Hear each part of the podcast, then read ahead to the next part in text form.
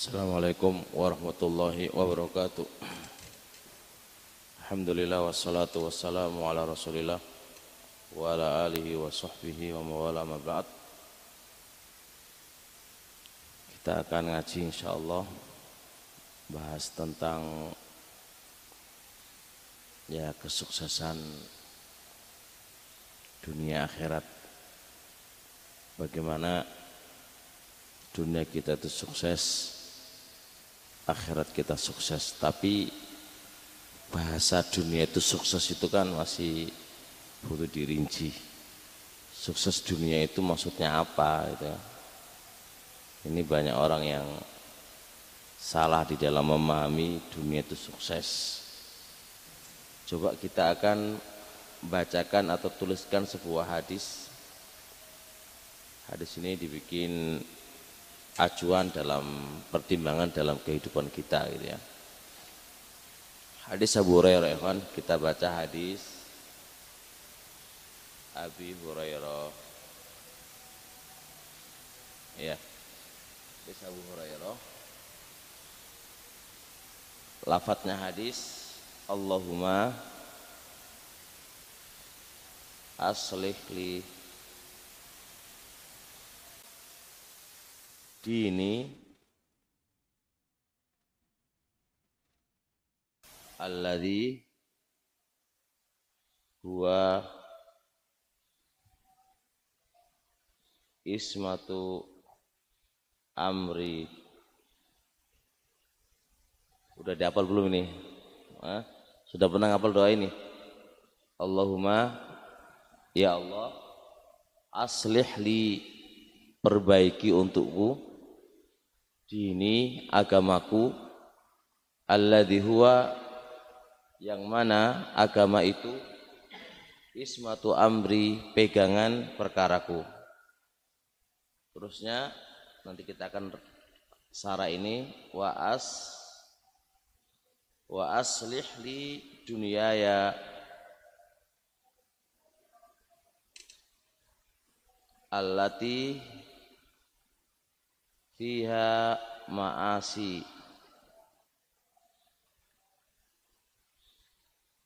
Wa aslih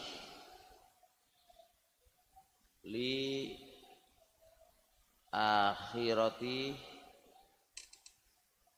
allati hiya ma'adi. Waj'al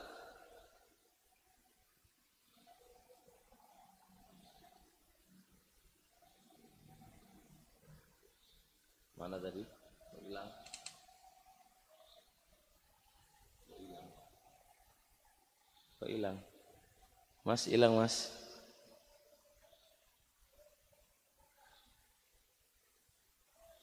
Mana tadi mas?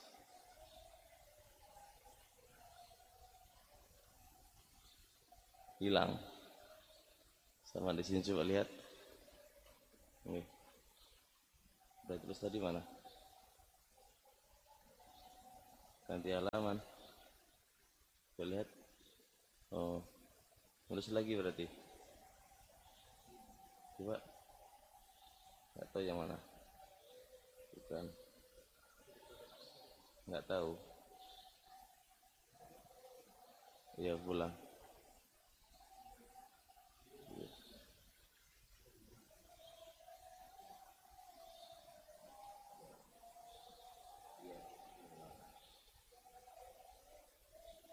baru tadi kayaknya dan nulis lagi aja biar cepet. Nulis lagi ya. Baik, hadis Abi Hurairah.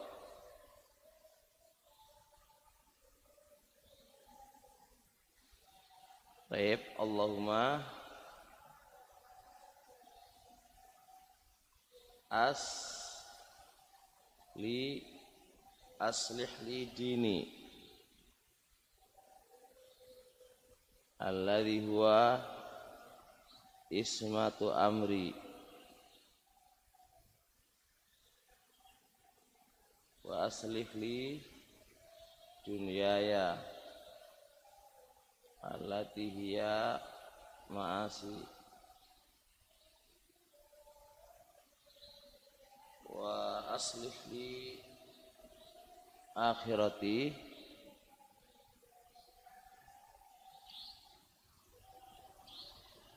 Allati hiya ma'adi waja'al li waja'al hayat ya Hah? Gak kelihatan? Gak tahu. Ini agak mending, agak kelihatan. Tua-tua matanya berarti. Eh? Ya wis lah, gimana? Gak tahu ini mas. Tintanya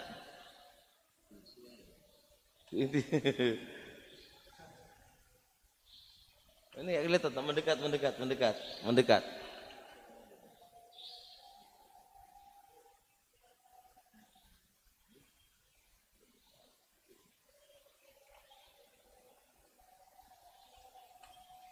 Khairin.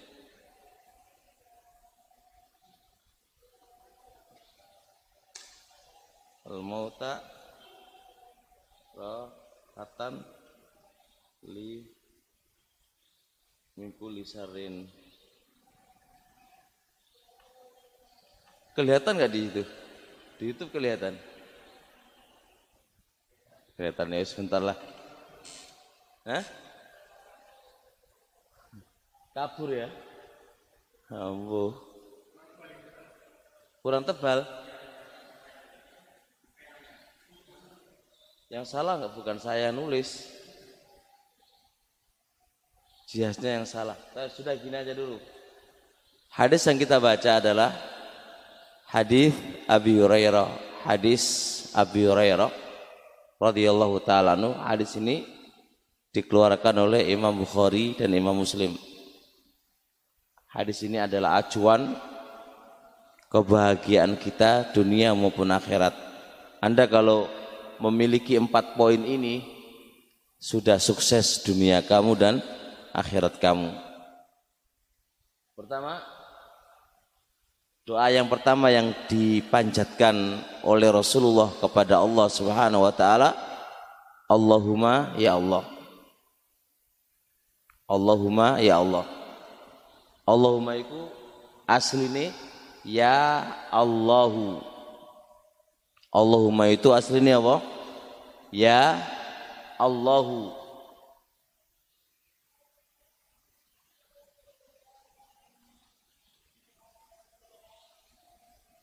Kita penuh semuanya ini. Mau maju gak bisa, belakang gak bisa, kiri gak bisa. Mau piye ganti halaman ya ora dong aku ya. Ya wes gitu dulu. Cuma mau terangkan lu terangkan gimana cara terangkannya ini?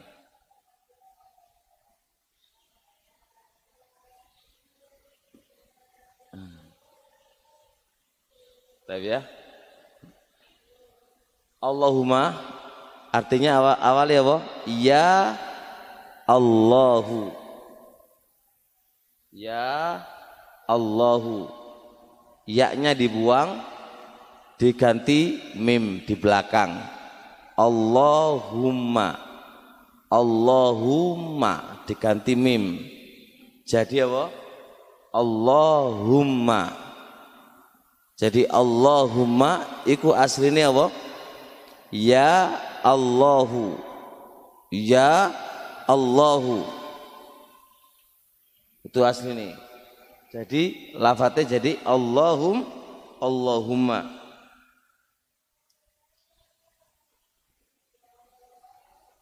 Dah. Allahumma kita memohon kepada Allah Subhanahu wa taala dengan memakai lafat Allahu dengan lafat Allahu apa arti Allah apa arti Allah? Allah itu artinya apa?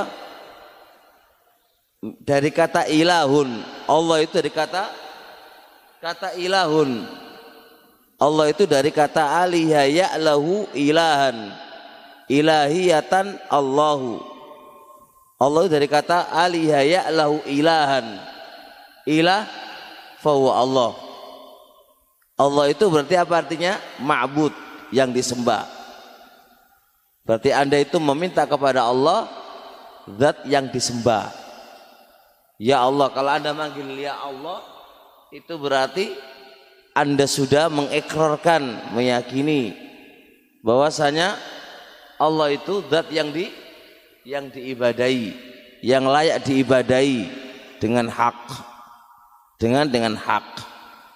Ketika Anda manggil ya Allahu itu memberikan kandungan dan memberikan lawazim konsekuensi. Ketika Anda memanggil Allah berarti Anda mengakui tentang keuluhiannya Allah Subhanahu wa taala. Mengakui apa? Keuluhian Allah Subhanahu wa taala, mengakui ketuhanan Allah Subhanahu wa taala. Baik. Kemudian setelah itu Allahumma ya Allah aslih li dini. Perbaikilah untukku agamaku. Kita meminta kepada Allah perbaikan agama.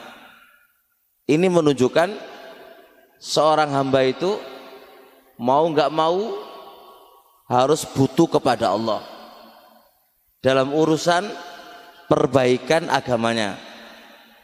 Jangan sampai kita menyandarkan ke akal kita.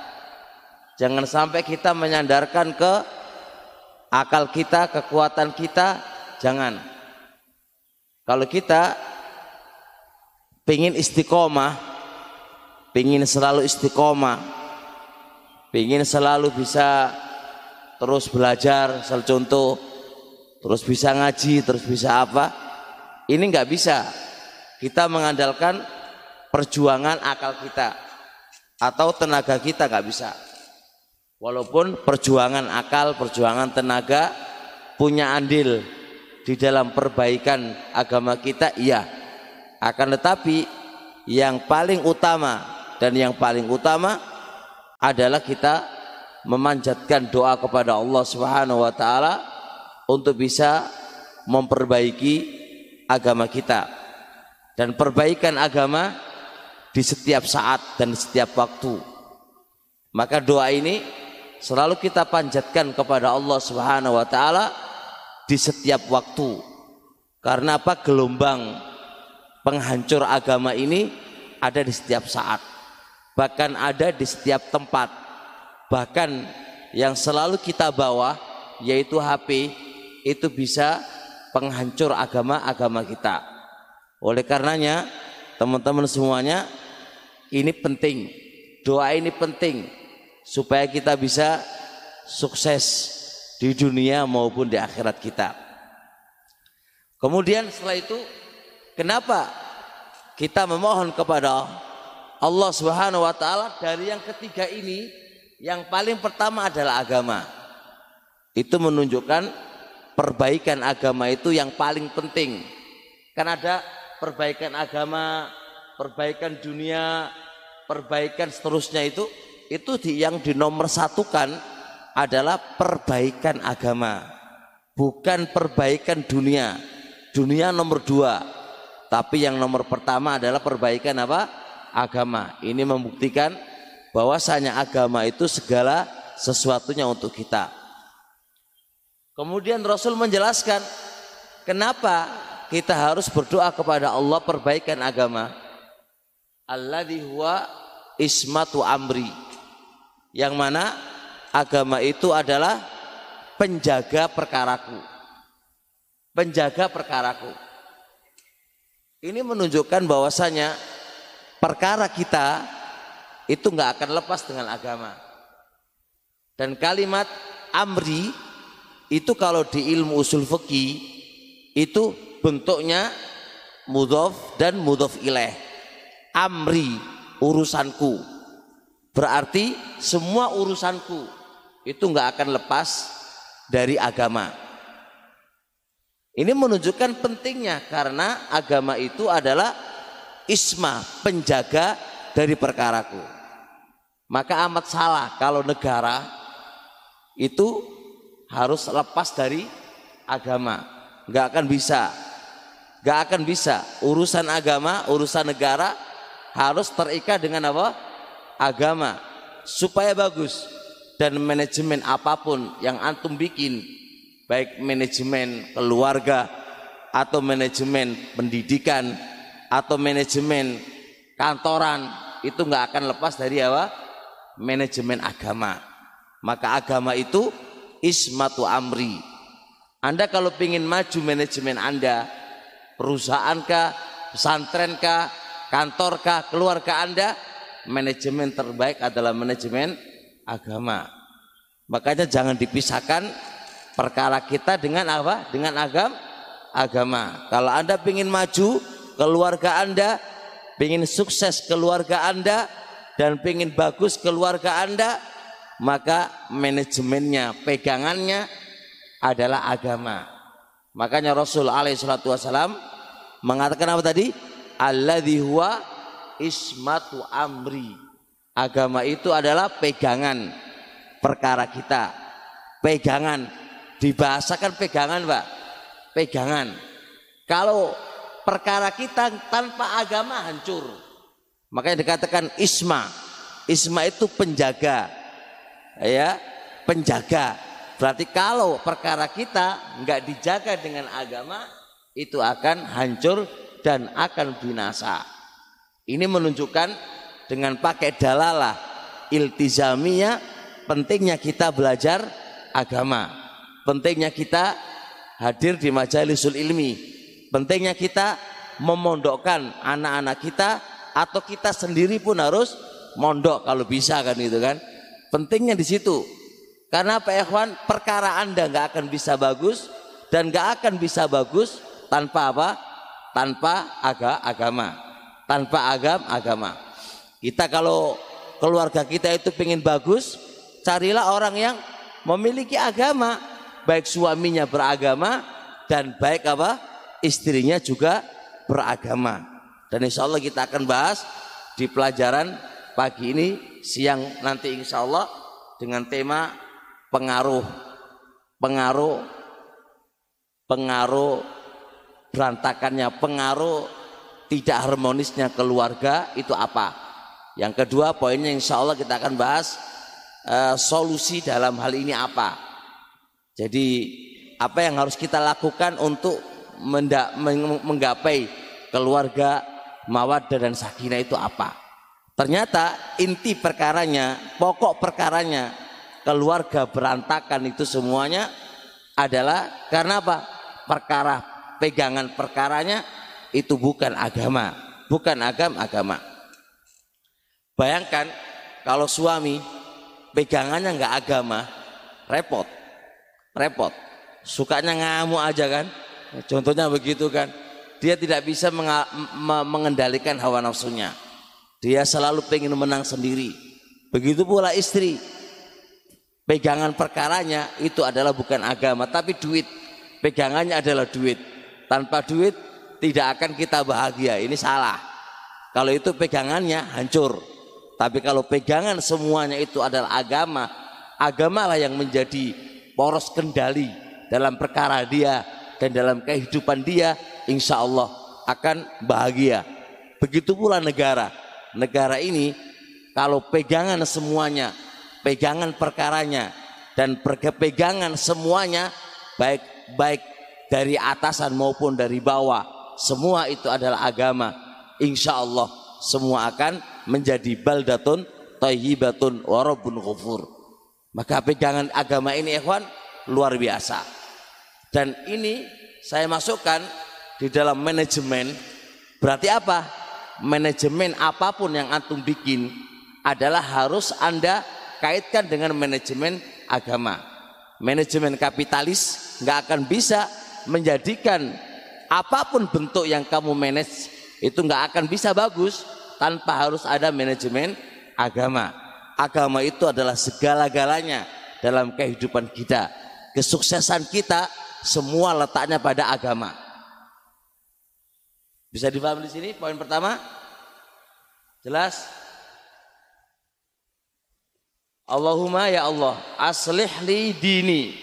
perbaikilah li untukku dini agamaku fakalimat dini itu cakupannya umum dini.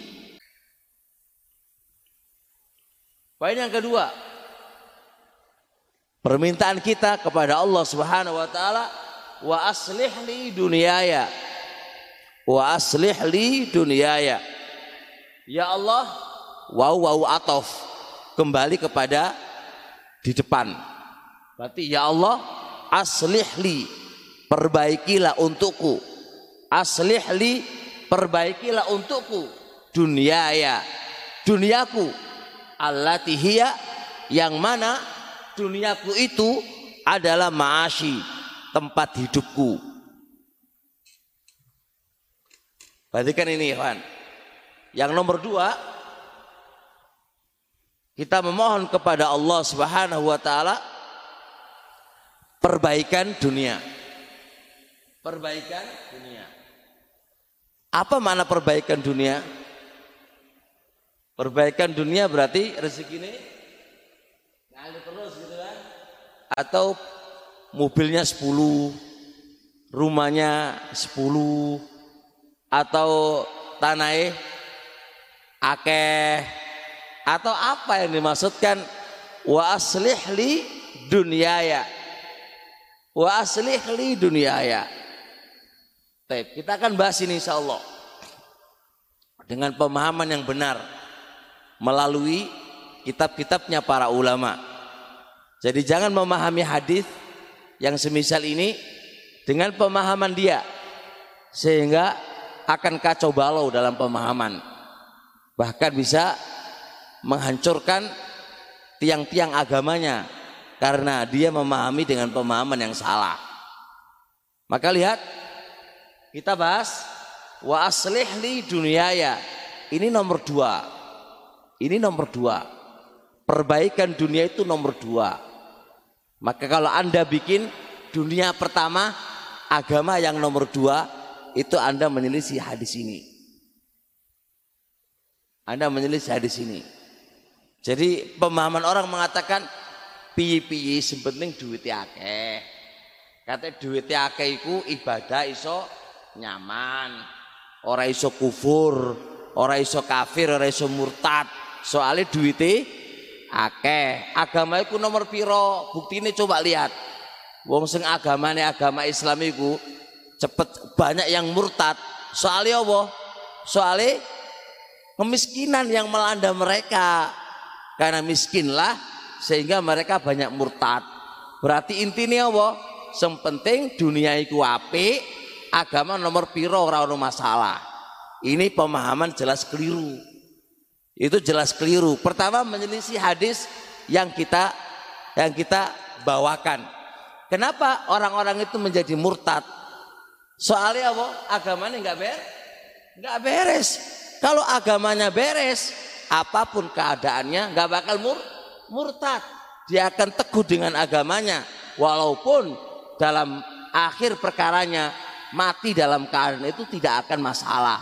Buktinya para nabi dan para sahabat-sahabatnya, pendahulu-pendahulu kita, mereka hidup dalam keadaan apa? Mereka hidup dalam keadaan kesederhanaan. Mereka hidup dalam keadaan kesederhanaan. Kita lihat Nabi Yuna alaihi salatu wasalam. Nabi. Naam penutup para nabi. Dan terbaik dari para nabi. Dijamin oleh Allah masuk surga. Naam. Dan seterus-terusnya dari keutamaan-keutamaannya.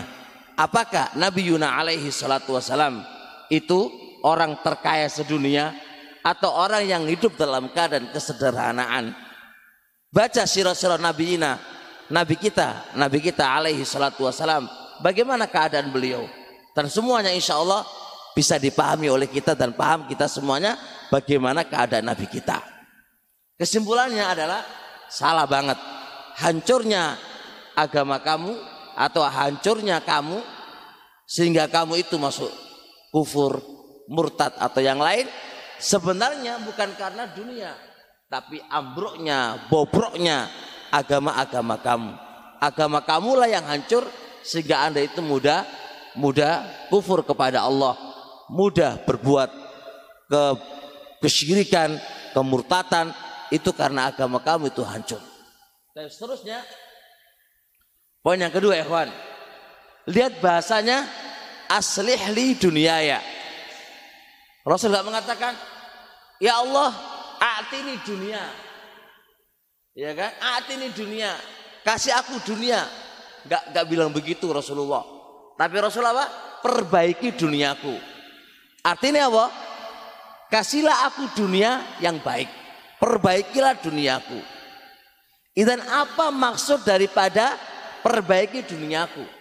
Ini persis dengan doa yang kita panjatkan kepada Allah Subhanahu wa taala, Rabbana atina fid dunya hasana wa fil akhirati hasana wa qina adzabannar. Anak ingin nuliskan ini di ini cuma kok nggak bisa ya. Gimana caranya ya?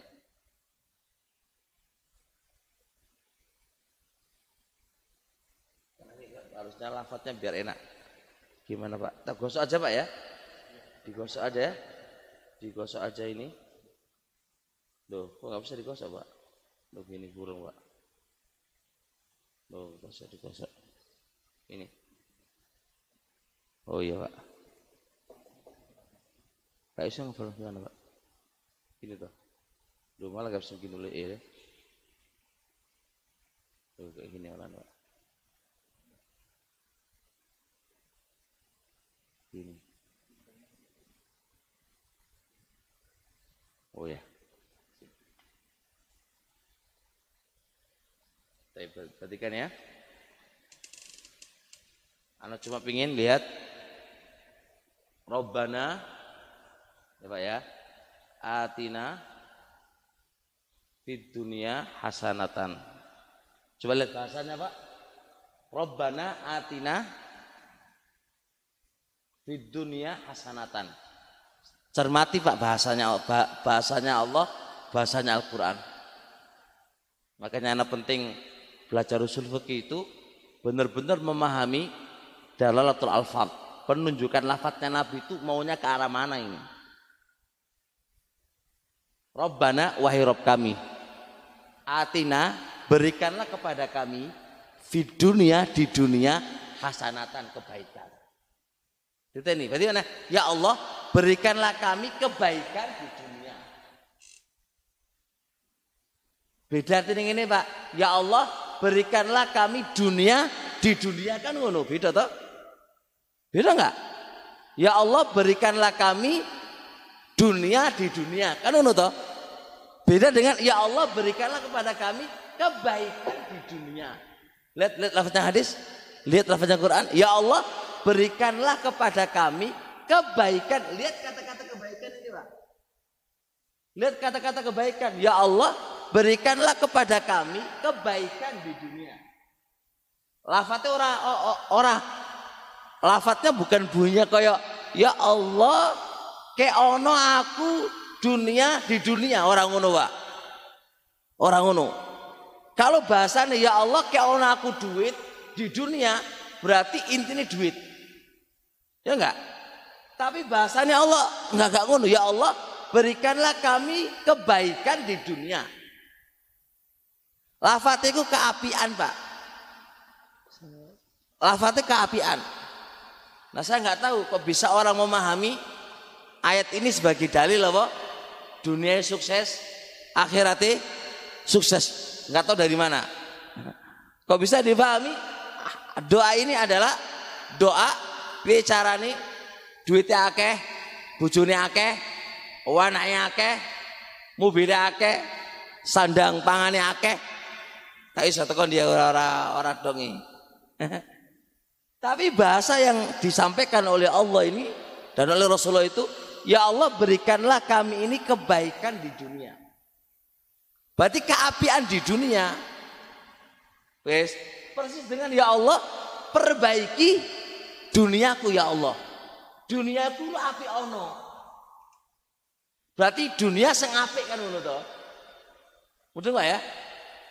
Paham nggak itu? Adiknya Abdul paham nggak itu? Ya paham nggak? Yakin? Yo ini mudah beda dengan pelajaran semalam kan? Semalam harus metenteng kan? Ini kan mek sekedar anu aja. Nah, lihat apa maknanya kalau begitu? Ternyata kita telusuri bagaimana pemahaman para ulama ayat dan hadis ini hanya berporos berporos makna satu. Hasanatan itu Pak adalah kona'ah. Ya Allah, berikanlah kami itu kebaikan di dunia itu kona'ah. Kona'ah itu Pak, itu Masya Allah keapian di dunia. Walaupun awakmu duit-duit wakeh, tapi gak kona'ah, itu duduk kebaikan. Dan duduk apa itu? Hasanah. Dan bukan itu asli bukan. Soalnya duit akeh tambah sengsara tapi gak kona'ah. Wis dong apa? Senomor loro hasanatan itu rizkon halalan, rezeki sing apik. Rezeki sing halal yang jadikan rezekimu itu tambah taat kepada Allah. Anda punya duit wakeh tapi lalai kepada Allah, itu duduk namanya hasanatan. Lalai ngaji, lalai apa? Tambah tambah apa? Jualannya tambah luancar, lali ngaji, lali ibadah, lali zikir, itu duduk hasanatan. Sayiatan jenenge ya. Kejelekan itu jenenge. Duit akeh Masya Allah Tapi malah lalaikan dia dari Allah Biasa pak Karena dunia ini nggak bakal ketemu dengan Dengan apa? Dengan agama nggak bakal Dunia ini nggak bakal ketemu dengan apa? Dengan akhirat nggak bakal ketemu Pasti ono yang dikalahkan Dan ketahui kata Ibnul Qayyim Tambah rizkimu tambah wakeh Delok nawakmu Pelajaran ngaji. Pas rezeki ini rezeki ini gonok metu ngaji terus ibadah terus. Tapi kerjaannya tambah wakeh. Wah tambah aras-aras nga, ngaji. Hati ini kayak ini loh pak. Ini hati. Ini hati ini hati. Gambarannya hati sama ini Wis. Kalau ini wis full dunia, Pak. Dunia wis full. Nang hatimu ku full dunia, sakmene iki full dunia. Tumpah ya, iki full dunia. Agama keluar. Agama keluar. Gimana bisa keluar? Ya nggak bakal ibadah akhirat nggak mungkin wis metu Pak, wis metu. Kalau iki dunia apa akhirat kamu wis penuh tok. Dunia nggak akan aku pikirin. Kalau kita setengah Pak, agama setengah, dunia setengah, ini yang paling kuat. Tambah maju dunia akhiratnya kalong. Ngikis ke akhirati ngikis ke akhirati nah cobaannya kayak tukang AC gua order saiti lah ngaji terus. Tapi singkatnya order wake wis lali. Wis malam malam pun ker kerja mana bendino ono order satu AC piye seneng apa seneng seneng Iya. Seneng kan gitu loh. Nah coba jualan apa? Jualan pulsa, jualan HP. Coba lu wancar. Di kulaannya tambah ser sering. Ketika kulaannya sering terus biar coba. Gue selali sembarang kalir. Itu sudah sudah apa? Sudah sudah otomatis. Sudah otomatis teman. Nah sekarang yang kita minta kepada Allah itu apa? Kebaikan di dunia teman semuanya. Ya oleh rezeki, rezeki sing halal rezeki sing iso walaupun akeh mudah bagi Allah. Walaupun anda punya rezeki wakeh tapi itu rezeki yang bagus itu akan menjadikan engkau taat kepada Allah. Nggak akan lalai dari Allah subhanahu wa taala. Itu penting. Makanya kita butuh kepada doa ini selalu ada yang mengatakan lagi hasanatan fidunya itu adalah istiqomah jadi Anda Rabbana atina fid hasanatan. Hasanat itu apa? Istiqomah di dunia. Awan dhewe iki iso ngaji ben subuh, ben ana taklim ngaji, rutin istiqomah kan. Paham gak paham urusan guri pokoknya. Ya ngaji ku wajib. Pinter gak wah? Enggak wajib. Ya ora? Ngaji ku wajib, Pak. Pinter enggak wajib. Karena sapa sing ngekei pinter? Allah, terserah Allah. Lebih wajib ngaji ini wa? wajib. Mencari ilmu wajib. Pinter ora wa? wajib. Salah nggak omongan saya ini? Ya ora? Mencari ilmu itu wajib hukumi. Pinter enggak wajib. Wis, khotam. Jadi jangan takut ditanya. Pokoknya ngaji wae. Tolabul ilmi wae. Urusan paham nggak paham, wae Allah kok. Urusan urusanmu ya Allah, aku paham nggak paham. Sepenting aku ngaji. Ngono urusannya. Nah, jadi ikhwan, kebaikan di dunia atau ya Allah perbaiki duniaku. Ya kan? Ya Allah berikanlah kepada kami kebaikan di dunia itu istiqomah. Iso istiqomah ya Allah, iso istiqomah, is, iso nguripi ya anak bojo, iso ngaji, iso akhirat, itu suweneng itu kebaikan di dunia itu. Tapi kalau duniamu akeh, gak iso istiqomah, ajur kabeh akhirat kamu itu sayiat dan kebinasaan itu kebinasaan. Jadi itu yang penting. Makanya makanya ya itu mana Rabbana atina fid dunya hasanah.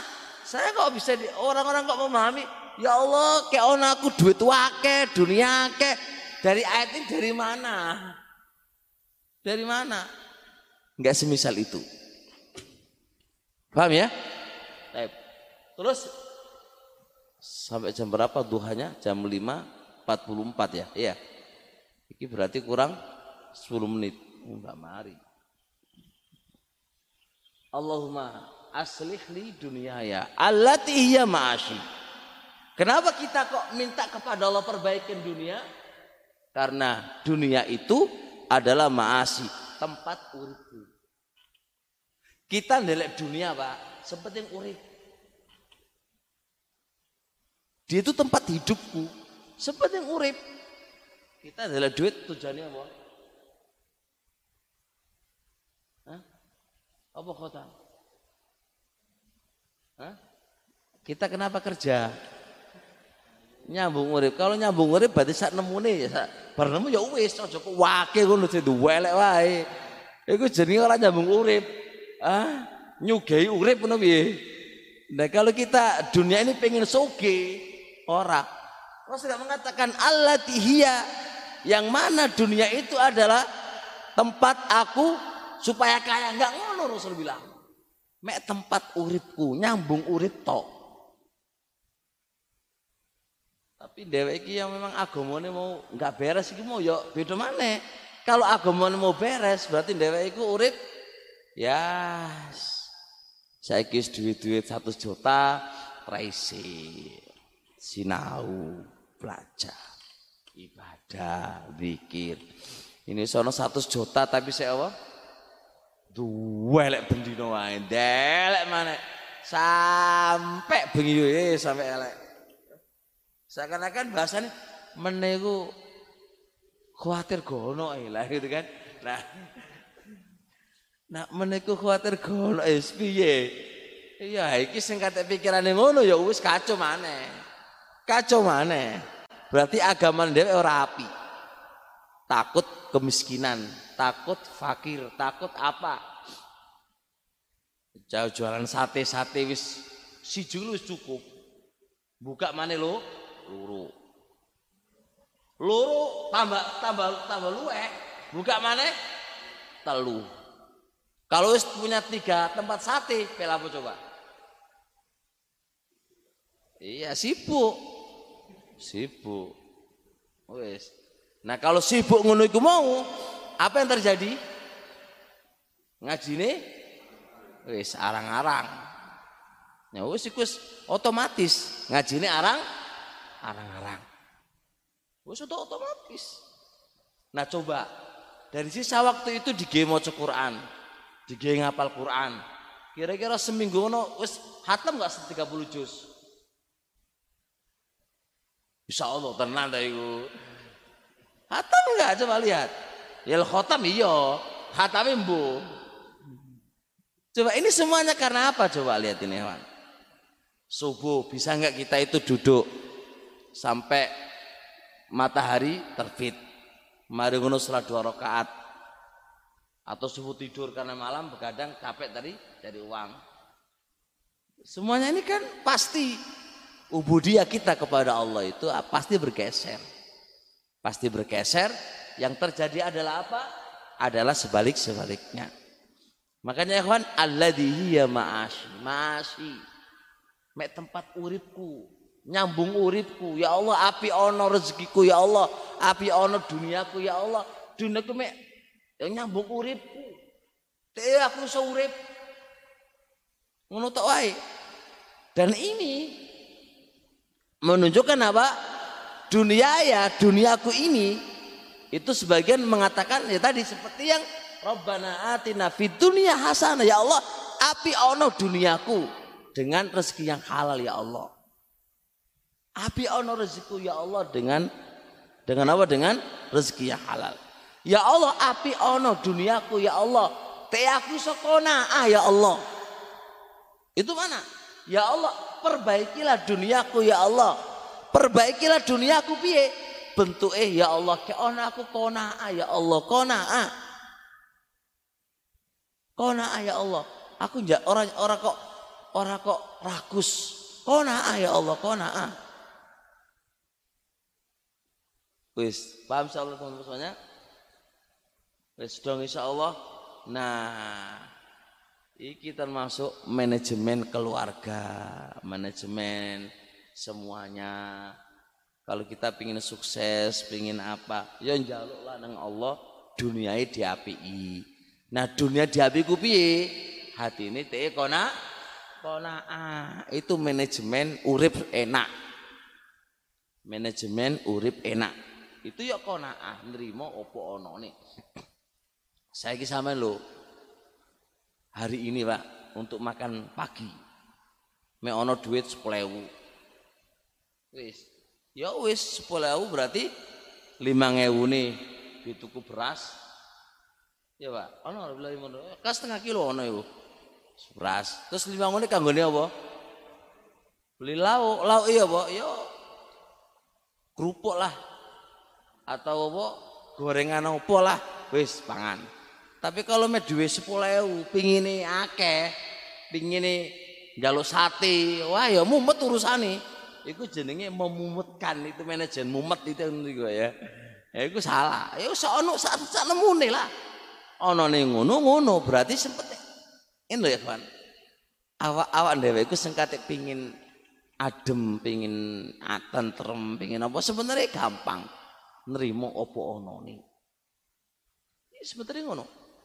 Saiki sampean iku lho takdir Allah mek oleh, oleh ndelek pengen ndelek bojo wayu. Ingure, cingure, bangir, lambene mbopo lambene apa? Oleh-oleh kan gitu kan. Tapi kan itu mah harapanmu kan. Ya enggak? Siapa yang menentukan? Khotam. Siapa yang menentukan? Allah. Nah kata ditakdirkan oleh Allah, khotam oleh bojo nang lambene iku nyinyir terus mari ngono hidunge iku puesek mari ngono terus pek lapo sampean? Pek ngamuk. Ya ya kan? Terus bicarane mengobati perkara ini? Ya wis berarti kona kona ayo wis lah aku tak nerima iki pemberiane Allah. Ya ngono ya aman. Tapi kalau awakmu sik gayo ke mana-mana ya sing garai masalah kan berarti hatimu toh. Karena anda tidak istik, tidak kona'ah jadi urip itu sebenarnya letaknya di nerimo opo ono nih pembagiannya Allah Subhanahu wa taala itu. Saiki bojo wong wedok, Pak. Suami ini itu biasalah beda dengan pedagang, Pak. Pedagang duit akeh. Ya ono pasang surute lah. Tapi kalau PNS piro piro gajine? Ono orang juta, ono sing juta lima ratus, ya seputar itulah gaji PNS terus ya kalau wong wedok sing nrimo konaa tak syukuri lah berarti telung juta berarti aku harus hidup per hari piro satu sewu Paling enggak seketeu. Lima ngewu, lima nge, lima puluh ini digawe Simpanlah di urusan mendadak anak loro atau apa wis ngono wae kan. Urip ngono aman toh. Tapi kalau gajine mau yang ada mau suami nemek 3 juta terus pengini bojone iku apa?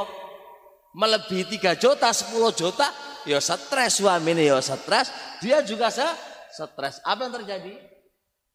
Minta cerai. Nah, kalau dia minta cerai, dia nggak mikir, ya kalau dia cerai terus siapa yang yang yang yang, yang apa yang menikah itu siapa?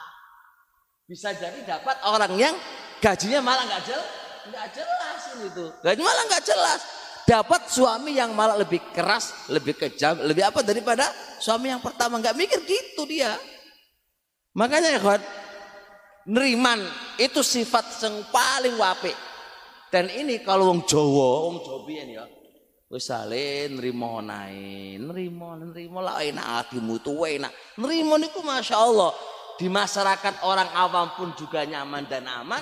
Bahkan Islam pun mengajarkan supaya kita itu neri, neriman. Wong neriman niku Masya Allah aman, aman, nyaman, enak. Tentrem awakmu. Awakmu lu Insya Allah duit duit rumah rombeng pun rumah rumah gede pun kalau awakmu itu kona ya luar biasa orang no masalah orang no masalah masalah sempenting sifatnya apa neri neriman ya wis ikut dulu dua hadis dua doa lagi besok lagi insya Allah sudah waktunya duha Yes. Faham insya Allah? Subhanakallah hamdik. Satu ala ila anta astagfirullah Assalamualaikum warahmatullahi wabarakatuh.